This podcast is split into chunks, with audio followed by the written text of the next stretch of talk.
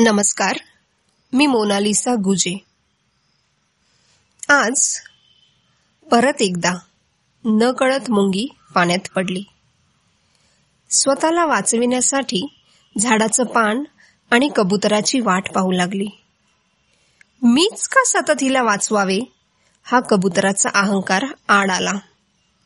झाडावरच बसून असहाय्य मुंगीला मरताना तो पाहू लागला. कबुतराने मदत करावी म्हणून मुंगी जीवाच्या आकांताने ओरडली. पण कबूतर आपल्याच विचारात मक्षूल मुंगी असहाय्यतेमुळे गतप्राण झाली. आणि कबूतर आपल्याच गर्वात गडून गेला. पारधी येणार हे विसरूनच गेला. मग पारद्यानेही याच संधीचा फायदा घेतला. कारण प्रत्येक वेळेला निशाण साधल्यावर मुंगी पायाला चावायची आणि निशान चुकायचा. म्हणून मुंगीच्या अनुपस्थितीत त्यानेही डाव साधला. कबूतर आणि मुंगी दुर्दैवीपणाने गेले पण झाड मात्र त्या दिवशी खूप रडले.